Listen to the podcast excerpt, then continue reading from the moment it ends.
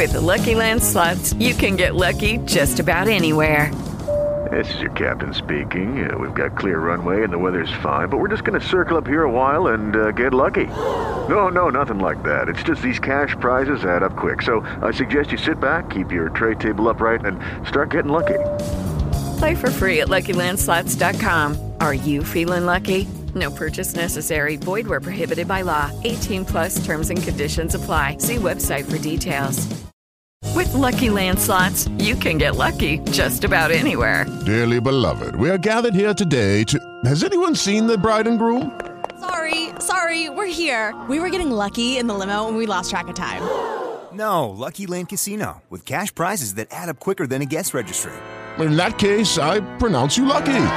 Play for free at LuckyLandSlots.com. Daily bonuses are waiting. No purchase necessary. Void where prohibited by law. 18 plus. Terms and conditions apply. See website for details. Welcome to part three of four of this month's episode of Doing It with Mike Sacks. Hello, how are you?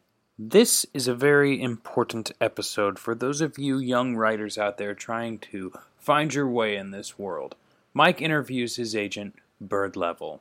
Now, one of the questions I'm often asked is how to get a humor book published, and I don't really have an easy answer, quite frankly. I've had a few books published myself, but it's always just as difficult each and every time. So I decided to talk with my agent, Byrd Leavell, about what he would recommend, what one should do, what one should not do, and this would go for young writers or just any writer who wants to publish a book. The thing I love most about Byrd is that he is incredibly honest. There is no bullshit, as you will now hear. Byrd. Someone is out there and they're young and they're a writer and they want to write a book, a humor book, they want to get it published. What are some of the things you would recommend they do?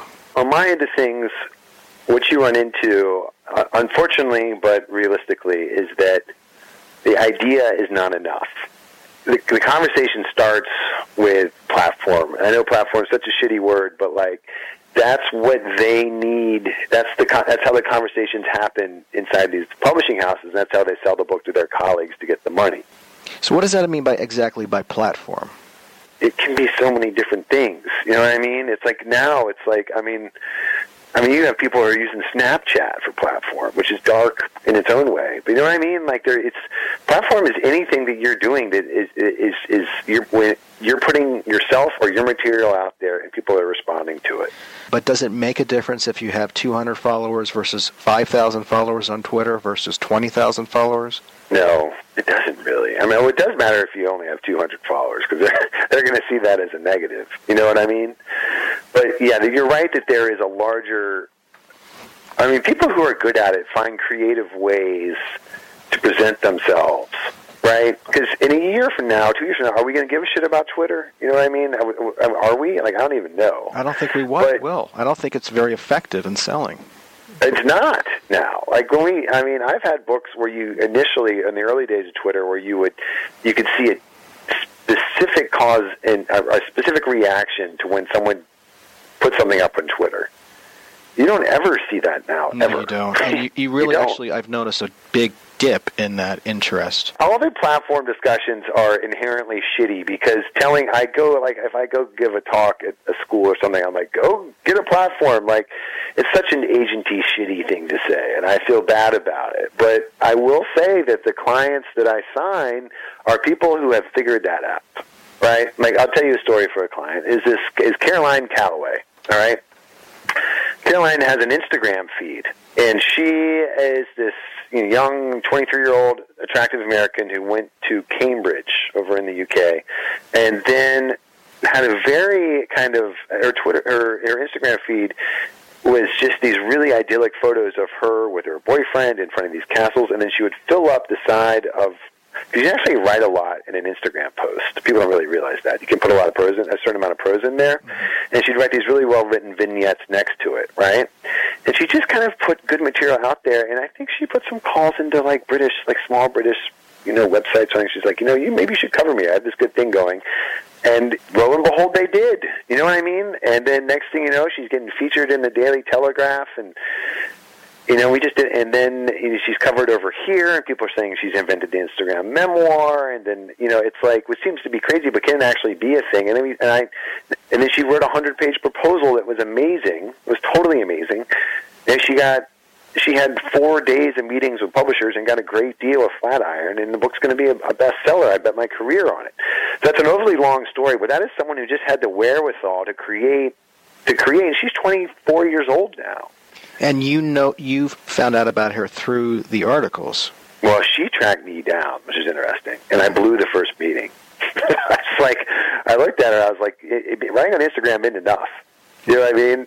And then, but then she had some press, and I had followed her since she came in, and basically like elbowed past the assistant to take a meeting, and like, and then I realized that she was doing something really good. So then, I, then the, the tables were turned, and I was like totally pursuing her. What's so funny is sometimes you're only as popular as people are told you should be. I mean, the day before these articles came out in the British magazines, no one really cared. But when once someone writes it, once it's in print, your your ideas become larger. That's entirely right. The validation of some form of traditional media is invaluable. There's, there's no question. But really, what you're saying is, and I've experienced this myself, is, is very murky. I mean, you know, create a platform for yourself. Well, it's not like once you reach a thousand, marketers are going to come screaming for you. There seems to be a confluence of events that have to happen that sort of propel you forward to rise above the stimuli and, and to be noticed. That's right. So how do you do well it? Put. Well, I, I, the people who do it, man, are it's always the people who dream big, which is such a like bad like kitty poster slogan, but like that is it. Like they see a way through and then figure out and figure it out. They know they they have the wherewithal to know that I, I can't just put up a bunch of like funny tweets and that's going to get me fucking anywhere. They see where the chess pieces are and then they create their own success in in a in that world. I'm not breaking. I can't break it down much better than that because when people make it, they kind of invent their own new ways to do it. You know, the one thing I will say on that point, though, let's say I also work with, like with some YouTube stars, right, or something like that, which I know still in the year 2016 there is stigma around that, right? When you say that, people kind of wince, right, a little bit, which I, I would argue is, is is both fair and unfair. And what you know what you see when you actually actually engage with the YouTube world with the real stars in it? They work their patooties off. You know what I mean? Like they do. They're putting up content every day. Mm-hmm. Yeah. And they're charming and they're smart and they're funny. And, and it's like find me someone else who's doing that. You know, they're driving these numbers up through sheer like creative force of will. But does that translate You know? to a good book or a book that sells? Well, a lot of, with a lot of YouTube stars, you just I have a I have a stable of these really amazingly talented writers, and you're bringing that's more and more. I'm doing that. Where I will take someone who's succeeded in one world, and then I'll bring a great writer that I work with, and then they'll help because you got the book has to be good when you're using with a social media stars. You know what I mean? Like you can't do a bad book and have it really work in a significant way. Right, So that was the problem with a lot of these these Twitter stars. They they put out these books, but it wouldn't sell. No one really cared. Yeah, the Twitter. Yeah, listen, not every book I've ever represented was amazing. I'm not going to take that position, but I, I will say that um, you learn from every book that you're involved in. And my my philosophy with these is really sometimes it's a battle, but just try and make a book that can succeed totally independently of, of on its own of any success from uh, kind of selling books to that person's fan base. You know, which is an ambitious thing. You're like, here's this YouTube star, like Glozell Green, right? Her story is, is is fascinating, and I think people will buy that book who've, ne- who've never once watched a YouTube clip of her. Like we pulled it off, but that's the vision. You try and do that for everyone, and it doesn't always work out. And she wrote that book, or someone helped her write? She it? she had a writer, Nils Parker, helped her write it. Nils is a crazy talent, but she opened up to him, and she told him really amazing stories. So when's the book coming out? That book is coming out June seventh. I think that book is better than what you've seen in most of those other two books so so far. I think it's, it is certainly better than what has been published in that area to date. What do you mean? What other two books? There's no. I'm saying other books. I mean, there are any number of YouTube stars that have done books, and I don't mean to throw shade at them, but some of them are good and some of them are not so great, and and, and they've all done pretty well. Right. All right. So I try, you know, you, you represent, you represented. I'm not sure if you still represent Fat Jew. yeah, it was that. Well, we can talk about it, I guess. I mean, that Okay, was. so I, I should have anticipated this. Here's what I would say to you, just to, as the start of this conversation. All right, I would say that I think that the backlash to him, he poked the bear too many times. There's no question about it. But I think that the backlash, it, it, it's it, the hatred on the internet is insane, right? And it's like I think things spiral out of control where. I think you could definitely make the the argument that the, the, the amount of vitriol and hatred for him was, was way over the top. right? and here's the other thing I would tell you is that when you when you know someone and you represent them and you work your ass off on their book and the book is all new material and the book is good, you defend them. Like in this in this conversation that people are going to listen to, the um, I'm going to defend him because that's I represent him and I know him. So you still So represent that- him. I don't know. I don't actually know the answer to that. I hope so. I represent that book. I, if I if we go out and have drinks, I'd hope we hang out. Okay, but so beyond yeah, that, I mean, you're his agent. You you should represent him and defend him. there's a case to be made for the fact that everyone posts shit up everywhere, right? Like they do. Like that's what people do. But I think that like They post their own things or someone else's things. uh, uh, they post someone else's things. What's your Facebook feed? It's all people posting someone else's things. Yeah, but I, I've noticed that people are incredibly good about saying, "This is where I got this from." Dude, clearly mistakes were made, and I think he knew that backlash was coming for a long time. And I, you know, I mean, like I clearly significant mistakes were made, and I feel really bad for Josh that, that he went through that because it just really was uh, rough for him. You know what I mean? To have to like endure all that, and I, people forget that people are humans. Everything on Twitter all the time for a very long time was all people talked about how much they hate Fat Jew. Well, I think too he was downplaying it. I would have done it differently. I won't lie. He had a whole team advising him. I would have taken it head on mm-hmm. more. But why That was was he chosen to be? I mean, did you reach out to him? And if so, why? He had a lot of followers on Instagram. I didn't for a very long time. No, I didn't. And then we had a mutual friend in common who was who was Dave, David Oliver Cohen, who's one of my best clients, and he um, put us in touch.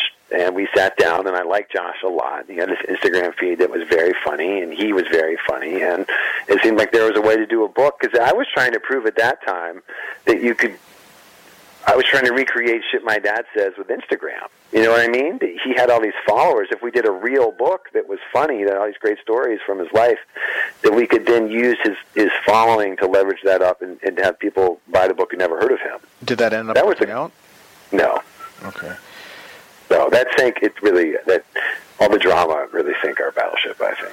So if someone's out there listening and they have an idea, should they contact an agent directly? What does have an idea mean? Well, if they if they say, "Listen, I have an idea. Um, I was in a mental institution, and my mother was deaf, and my father was blind, and he killed her, and I think it would make a great memoir, but it's going to c- contain humor." Should they reach out to an agent and, and by email and say, "This is my idea. Can I send you more information about it?" See, I have a kind of different philosophy about this. I mean, I think yes, you could write a perfect pitch email, and you could send that, get a list of the perfect agents, and you could send it out to those agents, and then cross your fingers. But it's like, it just feels very 2000 and like six to me. You know what I mean? It's like 2008. Like, why in the world, in the way that the world is now, would you put yourself at the mercy of these agents to like your pitch email? Well, isn't that what you're doing anyway? Why not write a huge piece of it and put it up somewhere and have people respond to it? if I write to someone and say I'm a great writer, it may not connect. If I put out something on the internet and people are emailing that piece to you saying, "Look at him, he's a great writer," that would have more. Oh my God, yes, don't you think? And then you have all the control in the negotiation. You have agents coming after you. Agents are desperate for good material. Don't think that you need to, you know, find your way through the system to get the perfect agent, to get a book deal, to go get a public. Like that shit no longer applies. All right, go generate, go put, go put great material out there. Find ways for people to respond to it. Keep doing it. All right, and then when you when you get an agent and when you go get a book deal, let me tell you something else. The publishers are going to suck. All right, and I'm sorry to say that, but they probably are. And it's like they, there are wonderful publishers out there who do a great job, but a lot of them don't. And your agent's going to their full time job is going to be trying to keep the, managing this corporate pro- process so that the book ha it is not is is the, the very basic elements of publishing a book happen, right? And it's so, and and even then, you have to when the book publishes, how and why are people going to buy it? People, eh, eh, there's still this kind of vision that like publication day, and like what really is publication day? You know what I mean? Like, what is it now? You have ten or twenty or thirty thousand copies of your book in stores. When's the last time? How often do you go browse a bookstore and pick up a book that you've never heard of and buy it and take it up to the cash register, especially if it's like a hardcover for twenty five dollars, right. and Never. buy it? Never. Never. So Never. why why even publish a book? I mean, see, this is the advice that I give to young writers: just put your head down and keep working. And you're in a position now which has never existed in the history of mankind, where you can be read by millions of people just out of your bedroom, which is an amazing thing. But I think a lot of young writers, especially, are so concerned about getting an agent and getting a book published that they sort of look beyond the producing part. You're not wrong. I mean, I think the I mean the what publishing has to offer still, as as, as I, hope- I hope no editors are listening, is that the um, is it has the distribution, right, and it has the machinery. You get an editor, and I tell you something is I, I will never talk shit about the editors in publishing because they are overworked and they are underpaid and they love their jobs for the most part and they are pursuing and they are fighting the battle every day. You know, the business I work in is publishing is still selling dreams because it is still delivering on them on certain cases, right? Where where you your book becomes a sensation, or or, or does very well, and you get to keep doing books, right? Like that still very much happens, and that's going to keep happening for a very long time. So that's wh- that's why you know eventually it's just to think that everyone pursues it. I think what your advice is very good. I think everyone pursues it too early. Well, exactly. You know? I wasn't saying don't want don't get a book published. I mean, to me, book publishing is my life, and this is what I do. I write books. But if someone's starting out and they're 22 years old, before you're worried about getting an agent, just produce good material consistently, and just put your head down and work, and figure out your style and make it good. And I think by doing that, good things will come. I, I am, you know, the last thing I, I am a populist. I am not an elitist, and I think the books I represent speak to that. Uh, You're, you're the smartest person I work with. Come on, I'm just teasing. No, I have a lot of really smart ones, but but but the um, no point being that um, I think that uh, most there is. You know, all right, here's what I love about New York City. All right, New York City, you can come here and you can out hustle and outsmart and out just uh, be. You can just be better than other people and succeed. Right?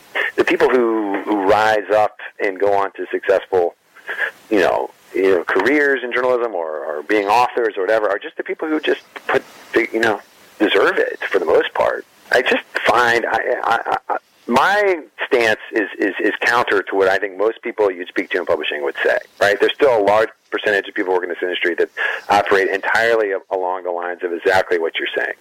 Query agents, get an agent, go get the deal. But like for what I do and the clients I represent and how I see the system working is I don't I think you should just move past that and instead make the system come to you. Okay, I think that's good advice. It is. It's doable. because I think a lot of people, and I've heard this from young writers, they want to bridge that gap, and they want to be noticed, and they think that by reaching out, they would make a connection that they never would have made otherwise. How do we connect? We, I reached out to you, and I think it was in a slush. Oh, I don't know what it was. No, I think it was a. Oh, I know what it was. It was a, a suggestion from uh, the Cracked writer. That's right. I asked him uh, who his agent was. I was looking for a new one, and Oh, that's uh, Dan. Daniel. That's so. I forgot that. yeah, yeah, I owe him. That's right, Daniel. Yeah, great guy. yeah, great guy. Yeah, yeah. That's how those things work. A lot of times, in the end, it comes down to you, you meeting someone who didn't recommend. It gets a, creates a personal connection with the agent. Well, that's another thing I tell young students or young writers is you have to network and you have to surround yourself with like-minded people because they're going to be the ones who are going to either hire you or s- suggest that others hire you or represent you. that's right. All right, so what are some things, what are some major mistakes across the board that you get from writers? What instantly turns you off? It's certainly anyone in my position can smell bullshit from a mile away because you have to. It's like this. People forget that agents get queried all day long every day, and also they forget that editors are getting submissions all day long every day. Right. So when I'm working with my clients, a mistake in the proposal for them or, or would be like acting like they're the first person to ever have a successful video on YouTube. Like when I work with my clients, I like to start off the overview by speaking directly to the editor who just got 14 proposals this week from YouTube stars. Right. You know, and be like, you know what? I realize you're getting a lot of these, but here's the reasons that that I am special and that my book matters and that people are going to read it, and have that be authentic and real. The biggest mistake is this: is that people don't see things through the eyes of the people that they're pitching themselves to. They don't see past themselves because all the answers are on the are, are are on the other side of that equation. if you think about it enough, you're going to know, you're going to realize that these, like, these people, if you're going to the editor who did Hyperbole in Me or something like that, the last thing that she's going to want to buy is another book of drawings with a heartfelt memoir about depression. And you should have put enough thought into that to realize that, you know, because she's probably gotten 80 of those pitches. Okay, and so she why knows did she enough accept that one? because it was new and different and better and good. And she and they and she knew something was was was real there that people were going to respond to, and they did in droves. How about brevity in these pitch? I mean, should people include samples, writing samples, a, a sample chapter, an outline, or what should? And they I think that that's, those are that's kind of a fluid answer. Like, yes, you should always include material, but again, get yourself get your material better, get it out there, and find ways to to, to have people see it and respond to it. and then good things can happen. Yes. I'll have to uh, reconfigure my uh, agent knowledge. Well, it's a good thing I'm not looking for one.